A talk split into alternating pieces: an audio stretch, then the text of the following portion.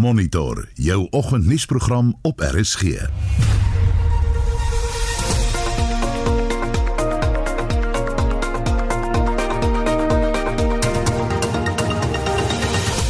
volgens se program minister Toko Didiza sê dat landbou na die pandemie die basis sal vorm van ekonomiese hervorming.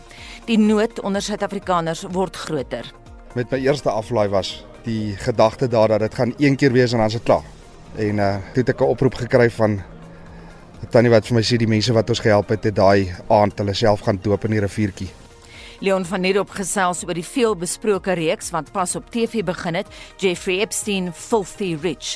En die woord van die week is rooi. Baie welkom by Monitor die span Wes op Pretoria se Lewona Bekes en ek is Anita Visser. Een van die oudste winkels in die moederstad Sturks het sy deure gesluit. Nou die tabakwinkel het sedert 1793 sake gedoen en onder meer 'n unieke mengsel pyptabak verkoop. Ons wil vanoggend by jou weet watter winkels, produkte, kos en enigiets wat vroeër jare te koop was, maar nie meer beskikbaar is nie, mis jy.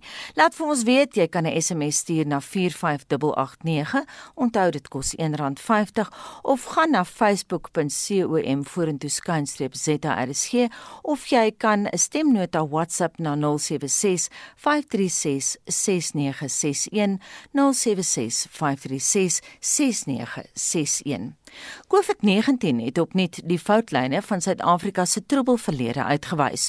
So sê Toko Didiza, die minister van Landbou, Grondhervorming en Landelike Ontwikkeling, te midde van vrese dat voedselsekerheid in die toekoms op huishoudelike vlak bedreig sal word. Maar in 'n eksklusiewe onderhoud met Iver Price, voer Didiza aan dat landbou na die pandemie die basis van ekonomiese hervorming sal wees. The fault lines of our past become very clear. You can see that the agricultural infrastructure were in those areas that I would call quote unquote the former Republic of South Africa. And in your homeland and the self-governing territories, there was very little infrastructure except your small irrigation scheme that were far and in between, which did not serve the entirety of the community. So my view is, yes, with the gains that were made in the past 25 years, there's still more that we can still do in the agricultural sector to revitalize the sector so that it can contribute towards food security at national level and also be able to play a part in the economy through its export. Die DISA sê hoewel Suid-Afrika se toekomstige voedselsekerheid stabiel is, is hy nogtans bekommerd dat die koronaviruspandemie tot 'n broodgebrek op huishoudelike vlak kan lei. Dit is waarom sy hoop dat meer mense sal begin om groente tuis te kweek. As a country, we really need to look at household food security.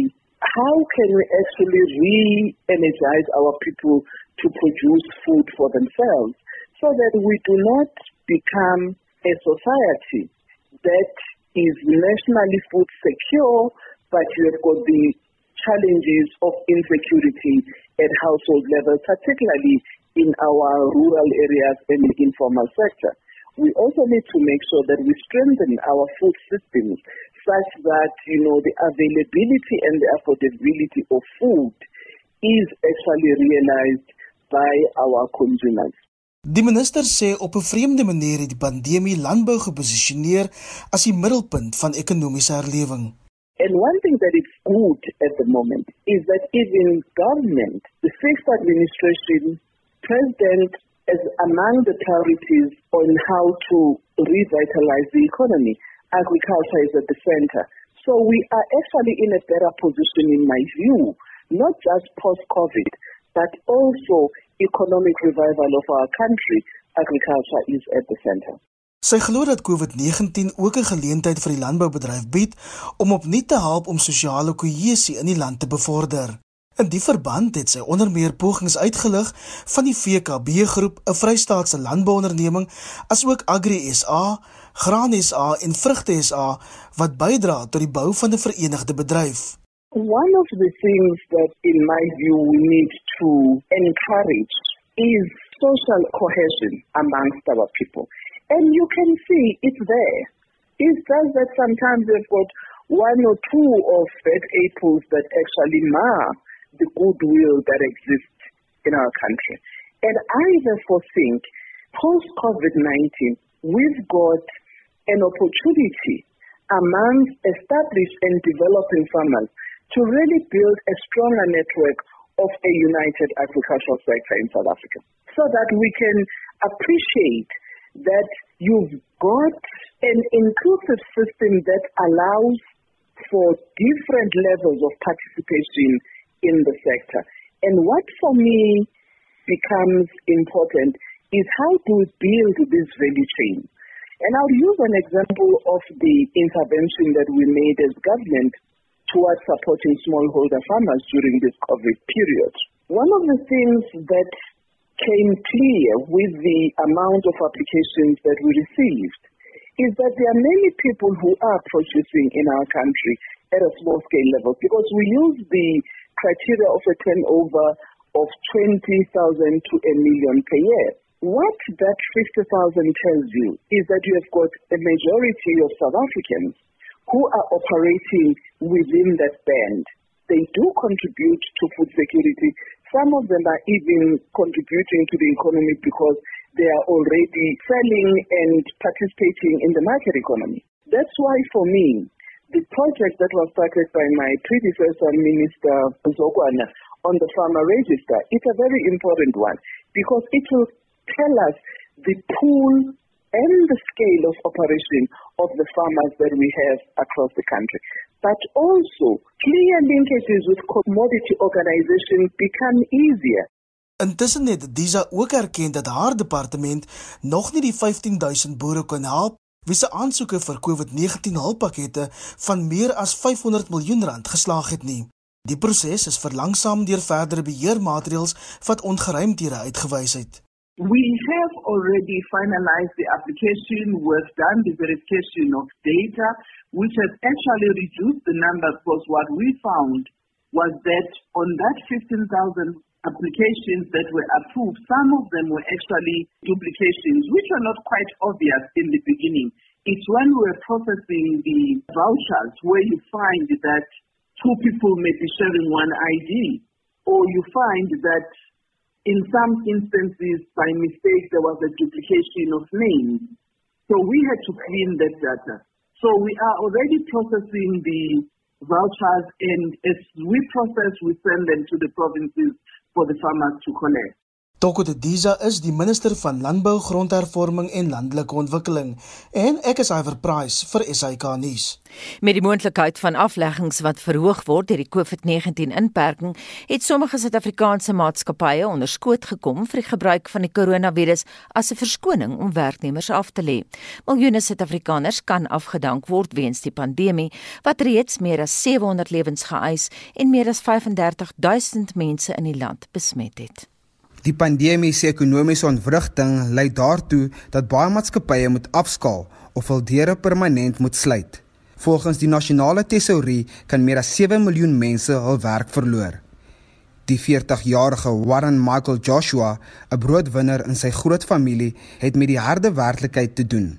Hy gaan op 1 Julie werkloos wees, 'n feit wat vir hom meer kommerwekkend is as om die koronavirus op te doen. Motivation has dropped. Like I'm not so eager to actually do work anymore. It will have a drastic impact as we have a big household and I'm one of the breadwinners in the house. Bekin Klapo, 'n vernoot by die Cliff Dekker Hofmeyer Prokureursfirma, sê die afleggingsproses tydens die nasionale sluiting bly dieselfde.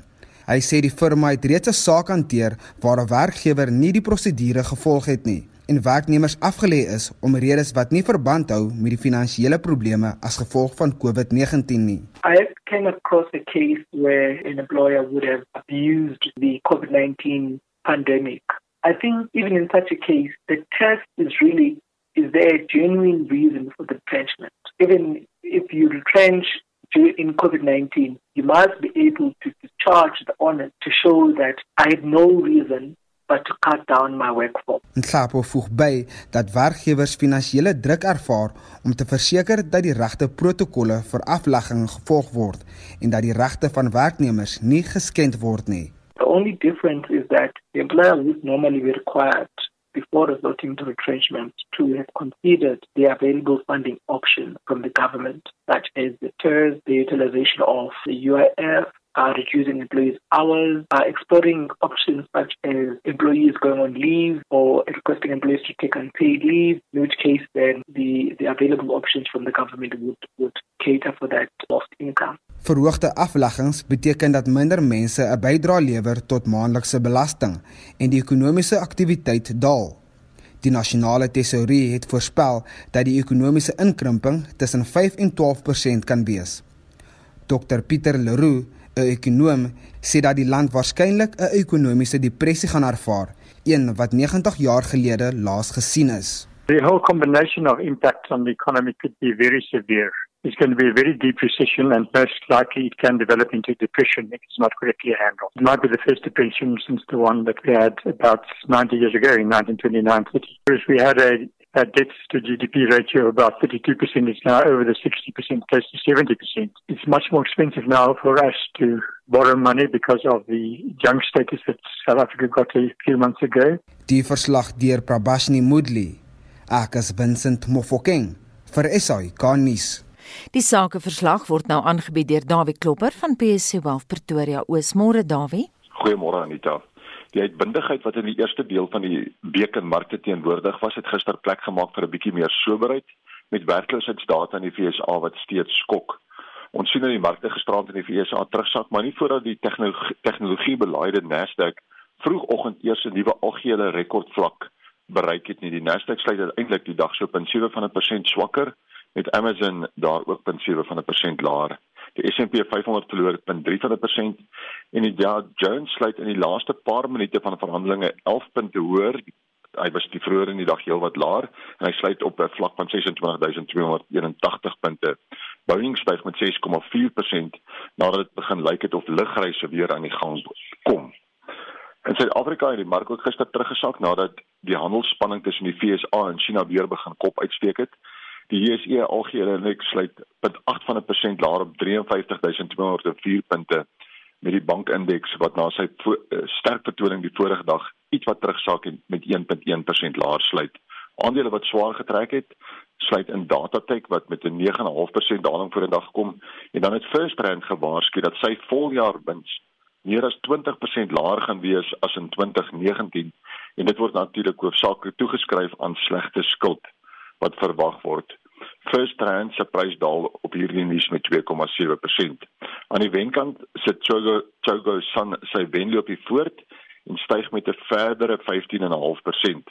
Sedert 22 Mei toe Chogo Sun op 172 sent gaan draai het, het sy prys nou al met meer as 230% gestyg en gister op 580 sent gesluit. Vanoggend in die ooste is markte ook baie stil. Die Nikkei is nou so 0.1 van 'n persent beter. Die Hang Seng is onveranderd met 10 sent daar 1.5% swakker en die ASX in Australië is nou ook 0.1 van 'n persent beter met BHP 0.3 van 'n persent swakker. En die kommoditeitsmarkte verhandel Brent olie nou op 40 dollar per vat. Die goudprys staan op 1709 dollar per ons en die platinumprys op 838 dollar per ons. En in die valuta markte is die rand steeds baie sterk en verhandel vanoggend op R16.88 teen die dollar, op R21.26 teen die Britse pond en op R19.14 teen die euro. Met die euro wat steeds teen die dollar aan die versterk is en nou op $1.13.41 Amerikaanse sent verhandel. Anita, hiermee groet ek dan tot 'n volgende keer. Mooi bly. Dit dan die sakeverslag aangebied deur Dawie Klopper van PSC Wealth Pretoria Oos. En nou belangrike nuus vir luisteraars wat dit dalk gemis het. Die ramptoestand wat op 15 Junie sou eindig, word met 'n hele maand verleng.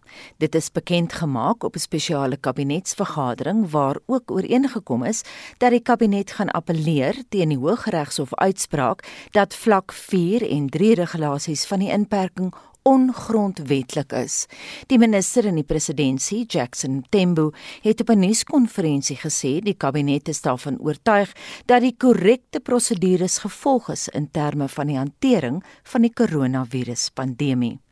Die spesiale kabinetsvergadering volg op die skokkende beslissing van die Hooggeregshof in Pretoria dat van die regulasies vir vlak 3 en 4 nie strook met die grondwet nie en dat sekere maatreëls selfs irrasioneel is. President Cyril Ramaphosa gaan vandag die Wes-Kaap besoek wat die episentrum van die pandemie is. Agt polisiebeamptes wat 'n afgetrede luitenant-generaal insluit, is in hegtenis geneem op aanklagte van bedrog, korrupsie, diefstal en geldwasery. Die nasionale polisiekommissaris, Kekla Sitole, het 'n spesiale teenkorrupsie taakspan daar gestel nadat ernstige aantuigings in 2017 in die verband gemaak is. Barenay Forsie berig die misdade behels tenderbedrog wat die merk van polisievoertuie betref. Die nasionale polisie woordvoerder Vishnaidu het die besonderhede van die inhegtenisnames met die SAIK gedeel.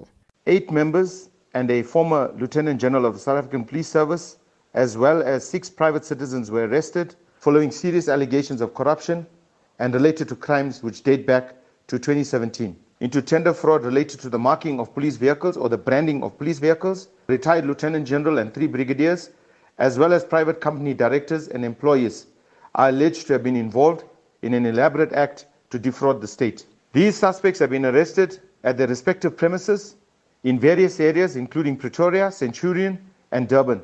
Die ondersoek na die aantuigings sien die verdagtes is nou reeds 4 jaar lank aan die gang. I mean, this investigation started in 2017 when the National Commissioner took office in November 2017. He uncovered that there may be some potential corruption taking place related to the marking of police vehicles. And uh, he immediately established a task team, a anti-corruption task team, which task team started the investigation since 2017 and the arrest of these 15 out of 16 suspects this morning is the fruits of this long, extensive and intensive investigation. And of course, uh, we cannot rule out the possibility of further arrests taking place. Die nasionale vervolgingsgesag het sy rol in die inhegtenisnames bevestig, maar geen verdere besonderhede onthul nie. Die gesag sê kommentaar sal eers volg op die verdagte se hofverskynings wat binnekort verwag word. Jy luister na Monitor elke weekoggend tussen 6 en 8. Half 7 in die nuus, die polisie hoofkantoor in Pretoria is tydelik gesluit weens 'n koronavirus geval. Sowat 80 wynkelders kan weens die impak van inperkingsregulasies sluit. En ons praat met 'n ontleder oor die menseregte situasie in Turkye. Bly ingeskakel. Vir luisteraars wat dit gemis het, een van die oudste winkels in die moederstad Stokes het sy deure gesluit. En die tabakwinkel doen al sedert 1793 sake. En ons praat veraloggend 'n bietjie oor nostalgie. Wat sê luisteraars Vincent? Wat onthou hulle? Wat mis hulle? En dit is so lekker om te sien hoe hulle almal lekker kletsie op Facebook. En Killian sê toe ek 'n kind was in 1969, iewers was daar 'n klerewinkel in Swakopmund wat as jy byvoorbeeld 'n broek gekoop het en dit het verstellings nodig, doen hulle dit terwyl jy wag. Pa het al ons klere daar gekoop. Mis dit want ek het naald ek en naaldwerk is baie groot vyande sê en dan antwoord Neon en Koos familie en daar en sê ehm um, en is dit dalk Friedmans en en is baie opgewonde en sê jep dit is die plek. Hy sê besverrader van aswegens ehm um, van aswegens ehm um, aswegens vir die elektriese ware Ek dink daar die van is daar net bes hulle. Sy sê van aswegens vir elektriese ware, maar veral uniek winkels gedurende die 60, 70 en 80 en selfs die 90 jare. As jy klere, materiaal, manspakke of linne van goeie gehalte gesoek het, was uniek unie winkels jou antwoord.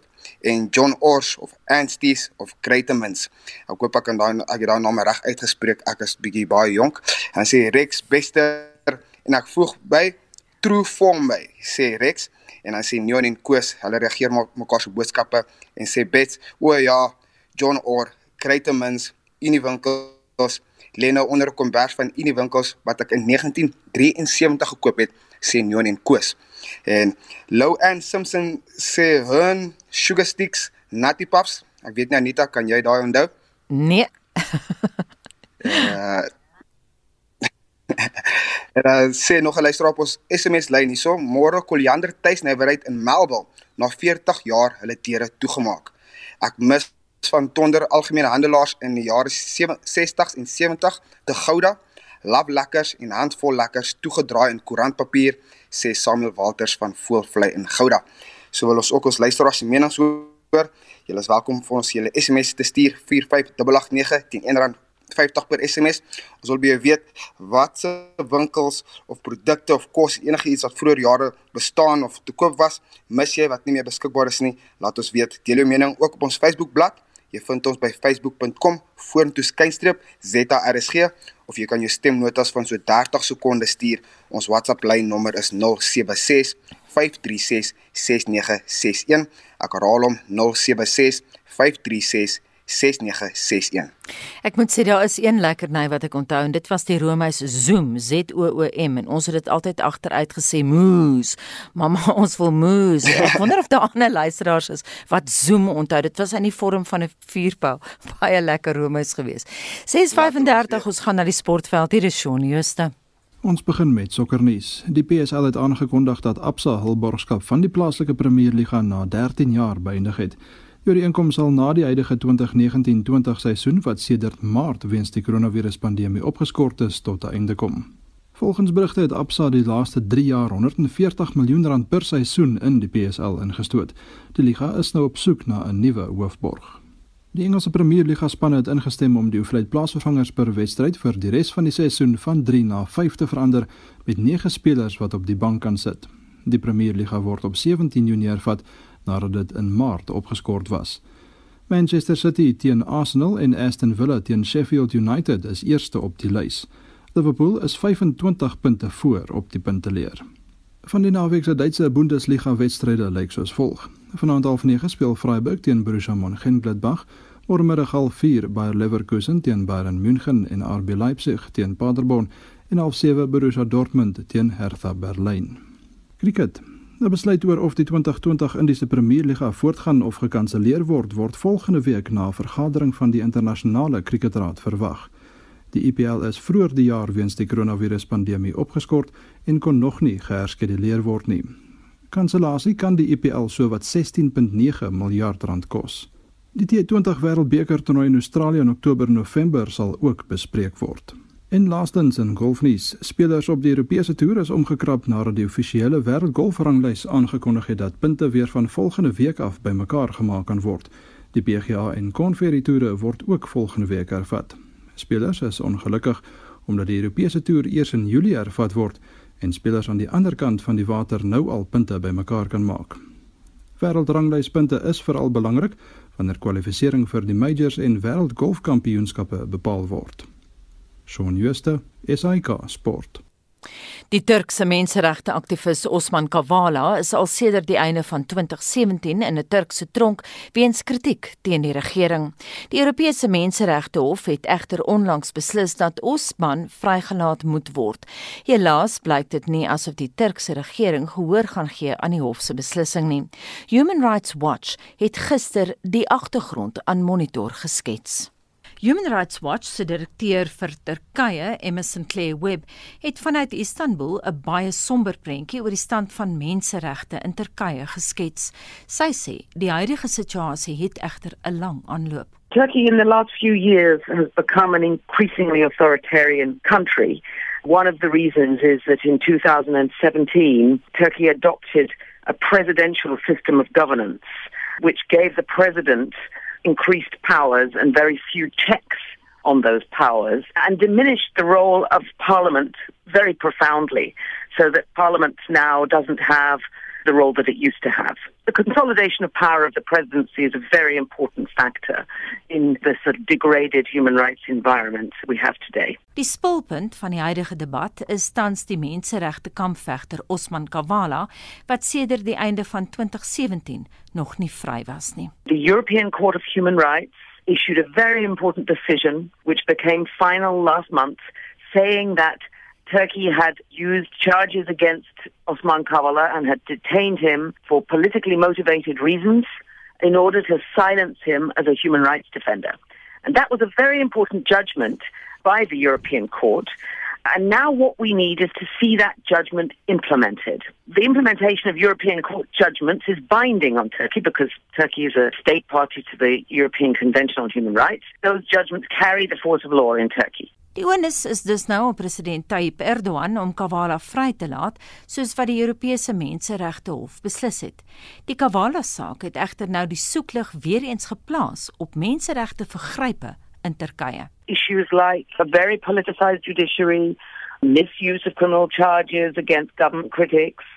We see in Turkey an environment where many journalists in prison, many elected politicians in prison, and you know, regular abusive prosecutions of perceived critics. That's the overall environment. Emerson Clay Webb sê die Erdogan-administrasie beskou die geringste kritiek oor beleid as ondermynend. What we're talking about is people exercising their right to freedom of expression, non-violent freedom of expression, peaceful assembly, peaceful association including political association, And these are all basic human rights, fundamental rights protected in Turkey's own laws and in the European Convention on Human Rights. But Turkey regularly restricts people through detention and criminal prosecution for exercising those rights. And that's the problem. We're not talking about people who are saying insightful or hateful things. We're talking about people who are making legitimate criticism of the government, government policies, are trying to conduct peaceful assemblies or are exercising their right to political association by joining political parties, political movements, which are non-violent movements. And all of those rights in Turkey, unfortunately, are extremely restricted in the present. Enige skerp kommentaar of negatiewe siening oor die president en sy kabinet is eenvoudig taboe. Turke mag dit ook nie waag om hulle self uit te spreek teen die regering se hantering van die COVID-19 pandemie nie. Turkey yes, certainly has misused powers, arresting and prosecuting people for what they regard as media coverage, which is in any way doesn't accord with the government line. So we have certainly seen misuse of those kinds of powers, but we already have that problem in Turkey anyway. So even before COVID 19, media posts that are critical of the government can find the person who posts the social media comment can find themselves detained or prosecuted. Weereens moet die huidige omstandighede ontleed word binne die konteks van Turkye se geskiedenis en die onlangse aanloop tot die situasie in 2020. The trouble is Turkey's media in recent years has become increasingly lacking in independence. So you've got most of the media in some way linked with government interests. You've got rather few independent critical media outlets. However, we've got a new wave of news websites and younger generation coming up. So I think it is quite unstoppable media coverage of government policy. And of course, the power of social media is very difficult to curtail. Despite that, I think one of Turkey's claim to fame is being one of the world's biggest jailers of journalists. Meer as 100 Turkse joernaliste sit op hierdie oomblik agter tralies. Human Rights Watch se direkteur vir Turkye in Istanbul, Emerson Clay Webb, waarsku boonop dat die Erdogan-administrasie strenger wetgewing beoog wat die media, beide die tradisionele asook sosiale media, verder sal mylband. We've also got a lot of restriction of websites, blocking of websites and social media and a definite ambition by the government to curtail social media still further by imposing big restrictions on the big social media providers like Twitter and Facebook. That is an ambition that hasn't yet come into law, but we are definitely seeing signs that they want to take control of the narrative on social media. En dit dan die mening van Human Rights Watch se direkteur vir Turkye, Emerson Clay Webb, wat vanuit Istanbul met my gepraat het. En ons bly by Turkye. Vir sy ontleding van die Turkse situasie praat ons nou met professor Dirk Kotse van Unisa se departement politieke wetenskap. Dirk, goeiemôre. Goeiemôre Anika. Dirk, eh, jy gee dikwels klas in Turkye, ek ken die land baie goed en soos wat jy nou in die vorige storie gehoor het, het die Turkse regering nog nie gereageer op die Europese hofbeslissing nie. Dink jy hulle gaan? In die verlede het hulle nie, so dit gaan 'n groot uitsondering wees as hulle dit wel gaan doen. Ehm um, Die wat ons ook gesien het is nou dat relatief onlangs met die huidige pandemie dat hulle groot hoeveelheid uh, gevangenes vrygelaat het uh, naaste by 20000 maar nie politieke gevangenes nie of mense wat in terme van die strafkode 301 wat die die groot faktor in hierdie situasie is um, En dit is enigiemand kan aangekla word wat iets gesê of gedoen het wat beskou word as on-Turks of anti-Turks. Ehm um, en al die verskillende joernaliste en so word gewoonlik in terme daarvan aangekla of selfs regters ook nou deesdae. Ehm um, en op grond daarvan dit word gesien as 'n uh, 'n misdaad wat uitgesluit is van hierdie tipe van vrystellings nou. Dirk Emerson Clay Webb sê dit het alles te doen met die president se breër magte danksy die verandering van die Turkse of liewer aan die Turkse grondwet. Dis deel daarvan, maar dis nie die hele antwoord nie. Die 'n groot deel van die die menseregte geskiedenis van van Turkye gaan terug na die wyse waar hulle op hulle optree teenoor die, die Koerde. En dit het begin in ten minste in die middel 1980s. Ehm um, in die middel 1990s toe ek daar begin uh, klas gee het, um, was daar 'n uh, noodtoestand in die suidooste van Turkye wat spesifiek gerig was op die Koerde en die Koerdiese beweging, veral die PKK uh, wat hulle lank reeds as 'n terroristiese organisasie beskou. Um, en dit het gelei tot grootskaalse menseregte vergrype. Wat die die hele Koerdiese kwessie is 'n menseregte kwessie per se. Ehm um, so dit gaan dit gaan lank terug. Dit dis nie iets wat 'n uh, uh, Erdogan maaksel is en wat ehm um, as gevolg van sy uh poging om politieke mag en presidensiële mag in Turkye te te sentraliseer dat dit die werklike oorsprong daarvan is nie. Maar tydens die uh, Erdogan periode en veral nou tydens na 2016 met die na die uh, mislukte staatsgreep wat plaasgevind het, um, het daar werklik die editeurs stelsel hulle self begin toemaak en enige vorm van van kritiek wat uh, wat na hulle kant toe gekom het is met groot suspisie behandel en uiteindelik was baie mense um, in hegtenis geneem oor die 150 000 na die mislukte staatsgreep. Hmm. Ek weet jy is op hoogte wat die situasie betref rakend joernaliste jouself het 'n Turkse vriendin wat 'n joernalis is. Nou Turkye is beskryf in hierdie onderhoud met Human Rights Watch as the jailer of journalists. Tans is daar meer as 100 joernaliste in die tronk in Turkye. Dit het nou wel 'n bietjie afgeneem daai syfer, maar daardie land is nie 'n journalisvriendelike plek nie. Nee, nee, dit is nie. Ehm um, dit is dit en dit weer eens kom reeds 'n lang pad. Uh dit is nie iets 'n produk van net van die huidige omstandighede nie. Ehm um, en ja, dit is in die geval wat ek nou 'n oud student van my ehm um, het het 'n artikel saam met 'n kollega van haar geskryf oor die hantering die Turkse uh howe se hantering van die uitlewering van 'n Amerikaanse uh geestelike ge, uh, persoon, kerklike persoon ehm um, wat president Trump geëis het. Ehm um, en op grond daarvan is hy aangekla. Ehm um, die die hofsaak is nog nie afgehandel nie, maar dit hoogs waarskynlik dat sy uiteindelik ehm um, skuldig bevind sal word en en selfs miskien tronkstraf sal kry. Ehm um, en dit is nog 'n relatief jong persoon. So dit dis 'n is 'n goeie geval of is 'n baie goeie uh, beskrywende geval van die die situasie van terwyl journaliste op die oomblik. Nou nog maar gaan voort. Die die oorgrootste meerderheid van hulle um, is baie bang om enigsins enigiets te sê wat onafhanklik van aard is. Die die meeste mediahuise of die media-instellings is ook oor tyd deur die uh, maatskappye oorgeneem wat baie naby aan die regering is. So dat dat baie min ruimte vir werklik onafhanklike media. Ons praat ver oggend met professor Dirk Kotse van Unisa se departement politieke wetenskap oor Turkye. Dirk, nou gister is daar vir my gesê dat nog maatreëls word beoog om webblaaie te blok en uh, sosiale media verder te muilband. Dink jy organisasies soos Human Rights Watch, Amnesty International se kritiek het enige nut?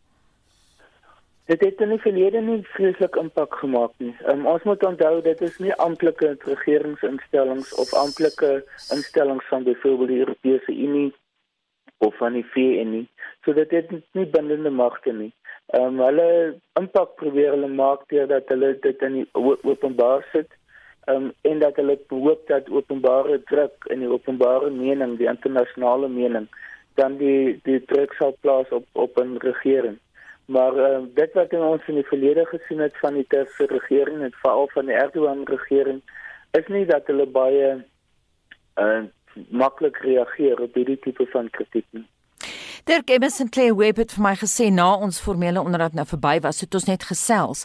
En te praat sy 'n bietjie oor die Turkse regering se hantering van COVID-19 en sy het gesê dis eintlik baie goed. Stem jy saam? Oor die algemeen ja, ek was vroeër um, hierdie week was ek deel van 'n uh, 'n uh, uh, konferensie wat uiteindelik in in São Paulo plaasgevind het. En een van die sprekers was 'n Turk geweest wat spesifiek hieroor gepraat het.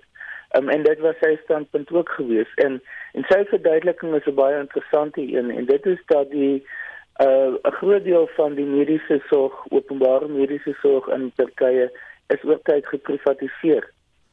En dat baie van die mediese maatskappye amper soortgelyk soos ons Medikliniek of ander groeperings, um, het oor tyd 'n hoë kapasiteit vir uh, intensiewe sorg eenhede opgebou. So die Turke is in daardie opsig in 'n baie goeie posisie en kan dus baie goeie sorg verskaf um, aan hulle uh, pasiënte en dit het gelei tot uh, die feit dat alhoewel daar 'n hoë, hoë vlak van uh, infeksies is, um, is daar relatief min sterftes wat daar plaasvind. So dit dit is wel definitief in in die guns van die Turke en die Turkse omstandighede. Nou ek weet by die konferensie die Sao Paulo een Dirk is daar ook gepraat, daar's vergelykings getref tussen demokrasie en diktatorskap se hantering van COVID-19. Ja, dit is dis geopper deur vir alle uh, persoon wat uh, in Brasilië is en dit kom dit ek dink dit gaan terug na die situasie in Brasilië self. Ehm um, waar president Bolsonaro wat baie naby beweeg aan president Trump terme van hoe hy op 'n populistiese manier na hierdie goed kyk. Ehm um, dat daar hoewel ter uh, Brasilië self nou een van die brandpunte in die wêreld is, ehm um, dat uh, hy die standpunt gehad het dat lande wat meer autokraties optree veral Asiëse lande soos ehm um, in die eerste instansie China, wel mens kan nie China se statistiek baie goed uh uh op baie maklik aanvaar nie. Maar ander lande so Singapore en en en Suid-Korea wat nou nie so ondemokraties is nie, maar dat hulle relatief goed gevaar het.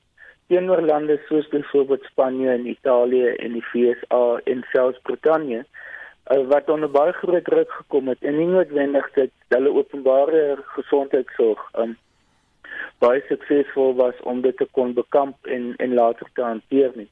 So dit dis 'n aaneenlopende debat. Daar is nog absoluut geen uh uh gevolgtrekkings of konsensus wat daaroor ontwikkel het nie, maar dis definitief 'n debat wat begin ontwikkel het in die afgelope tyd. Baie dankie dit aan die mening van professor Dirk Kotse van Unisa se departement politieke wetenskap. Na 'n stryd van minstens 5 jaar is daar uiteindelik vordering gemaak met die toegang tot die borskankermedikasie Trastuzumab. Marlenae Forsie het meer. Die hoof van die Kankeralliansie se veldtog vir toegang tot lewensnoodsaaklike medikasie, Salome Meyer, sê geen mediese skema mag voortaan weier dat vroue met vroeë borskanker toegang tot die middel ontvang nie.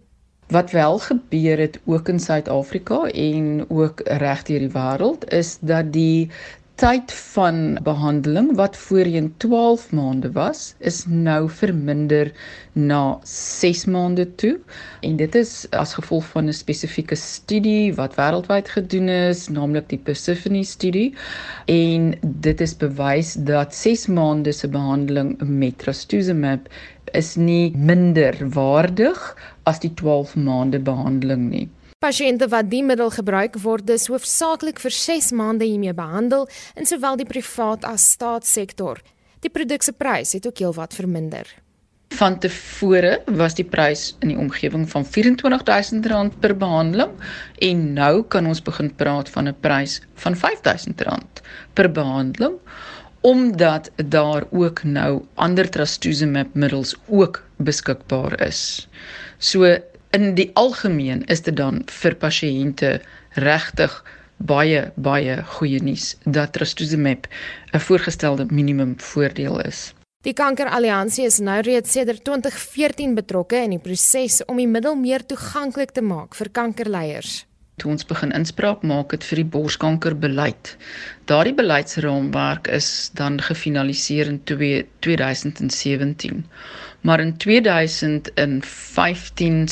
het ons begin met die Trastuzumab kampanje en daar het ons vir Tobeka Dakie gehad wat die, ons pasiënt was wat agter ons gestaan het hiermee. En dit was daardie stadium het ons gevra net vir die toegang tot trastuzumab en in publieke hospitale sowel as 'n prysverlaging. Intussen is die middel beskikbaar gestel in die meeste openbare hospitale landwyd. In die Wes-Kaap is dit egter nie noodwendig die geval nie. Hospitale hier sê trastuzumab is te duur. Sou hulle dit gebruik, gaan ander vorms van kankerbehandeling in die slag bly. Ons hoop dat met die nuwe tender wat geaanvaar is dat die Weskaap wel voorsiening sal begin maak vir die behandeling van pasiënte met trastuzumab ook. Wat ons ook verder gesien het is is dat daar is ook 'n ander produk as die oorspronklike produk geregistreer in Suid-Afrika en dit is wat ons noem 'n biosimilar of 'n soortgelyke produk as die oorspronklike produk is dan nou ook nou beskikbaar en dan natuurlik het ons dan nou dat dit in die privaat sektor ook 'n voorgeskrewe minimum voordeel is. Die Kankeralliansie spits hom nou daarop toe om die middel beskikbaar te stel aan vroue met gevorderde borskanker. Die Wêreldgesondheidsorganisasie het reeds trastuzumab goedgekeur vir daardie groepering van pasiënte ook. Maar vanweë die feit dat die prys so hoog was, het ons nie in Suid-Afrika daarvoor voorsiening gemaak in die borskankerbeleid en is dit derhalwe ook nie 'n essensiële medikasie dan nie. So dit is ons volgende fokuspunt en ons moet wel net verstaan dat die meerderheid van vroue in die publieke sektor word met gevorderde kankers gediagnoseer en dit is juist daardie kankers wat ehm um, soms dan so moeilik is om te behandel. Die stryd om lenalidomide vir die behandeling van mieloomkanker duur intussen voort. Ons wag nog steeds op SAPRA. Dit is nie te sê dat ons nie gereeld met SAPRA in kontak is nie om vir hulle wel aan te moedig om die produkte wat reeds op hulle tafel is vir evaluering vir goedkeuring af te handel nie. So ons hou duim vas dat ons regtig binne die volgende kom ons sê 3 maande wel vir ons mense wat hierdie middel moet kry, goeie nuus kan hê in Suid-Afrika. Dit was die hoof van die Kankeralliansie se veldtog vir toegang tot lewensnoodsaaklike medikasie, Salome Meyer. Ek's Marlene Forsie vir SAK nuus. Ons het pas verneem dat die bekende ou Sturks tabakwinkel in die moederstad nie gaan sluit nie, soos daar vroeër berig is nie. Die eienaar, Diane Jacob, het aan Fin24 gesê dat die winkel bloot sy fisiese deure gaan sluit vir die duur van die inperkingstydperk totdat daar groter duidelikheid oor tabakbeleid is. En daarmee gaan ons uh, oor na Vincent toe. Vincent, ons praat daarom nou nie net ver oggend oor ou Sturks nie. Ons praat oor nostalgie nostalgie en wat mis jy en luisteraars het lekker gereageer. Luisteraars het lekker gereageer Anita en jy kan dit ook hoor by ons stemnotas hoe lekker mis hulle die ou dae. Onthou julle nog Chamberlain's Colic? Daai oranje vloeistof wat jy gebruik het as jou maag nie lekker was nie. Dit het van die rakke af verdwyn en dit is snaaks dit lyk my die goed is wat die beste werk van die rakke af verdwyn. Produkte wat ek mis is die Aqua Velvet naskeermiddel wat tot so 'n paar jaar terug nog op die mark was en toe ewe skielik net weg en die die sjokolade caravan en fast forward. Dis almal baie baie memories terug, um, ehm, Mr Rooster. Weet jy of julle Mr Rooster kan onthou nie? En die aartappelwiggies. Dit was natuurlik toe ek 'n kind was, was verskriklik lekker geweest en dan ook Einbrew, Einbrew maar dan in 'n in 'n botteltjie. Dit is vreeslik lekker en dan die reuk van KFC het verander. Jy weet, ek kan onthou skind as jy daai boks oopgemaak het, die reuk wat daar uitgekom het en die manier hoe hulle hom verpak het. Maar ehm um, dis heeltemal anders as vandag. Dan sê Clifton vir ons hier op ons SMS lyn of Gerard en Karen wat sê Clifton koeldrank en Marmite pretzels. Daai klink lekker. En hierso het iemand ook gesê haarkappers met vier um uitroeptekens hierso. Ons moes ook haarkappers gedurende hierdie grendeltyd. Dan sê Engele Haker in Nysna. Ad van der Walt materiaal verkoop, dan het my ma ons in die mode rokkies self gemaak en Tony en Maywie se winkel weet nou nog nie wat winkel se na se regte naam is en Hakkie sê Engela al die bottels was lekker goed Wilson Toffies pikkies en Knickerbols. Jo, jou mond is swart gelek tot by die middel wat wit is van die lekker, sê Engela Haker. Dan wil ek 'n laaste een lees van ehm um, 'n luisteraar uit Kimberley wat sê trekker koffie het my oom in Durban by Indeer spesiaal bestel wat gestuur is na die platteland naby Kimberley. Daai dink ook baie lekker. Julle nog 'n laaste kans um, net na 7 is ons weer terug met nog van julle terugvoer. Baie dankie aan daai luisteraars wat ons herinner het aan Caravan. Dit was 'n heerlike sjokolade en Clifton poeier koeldrank.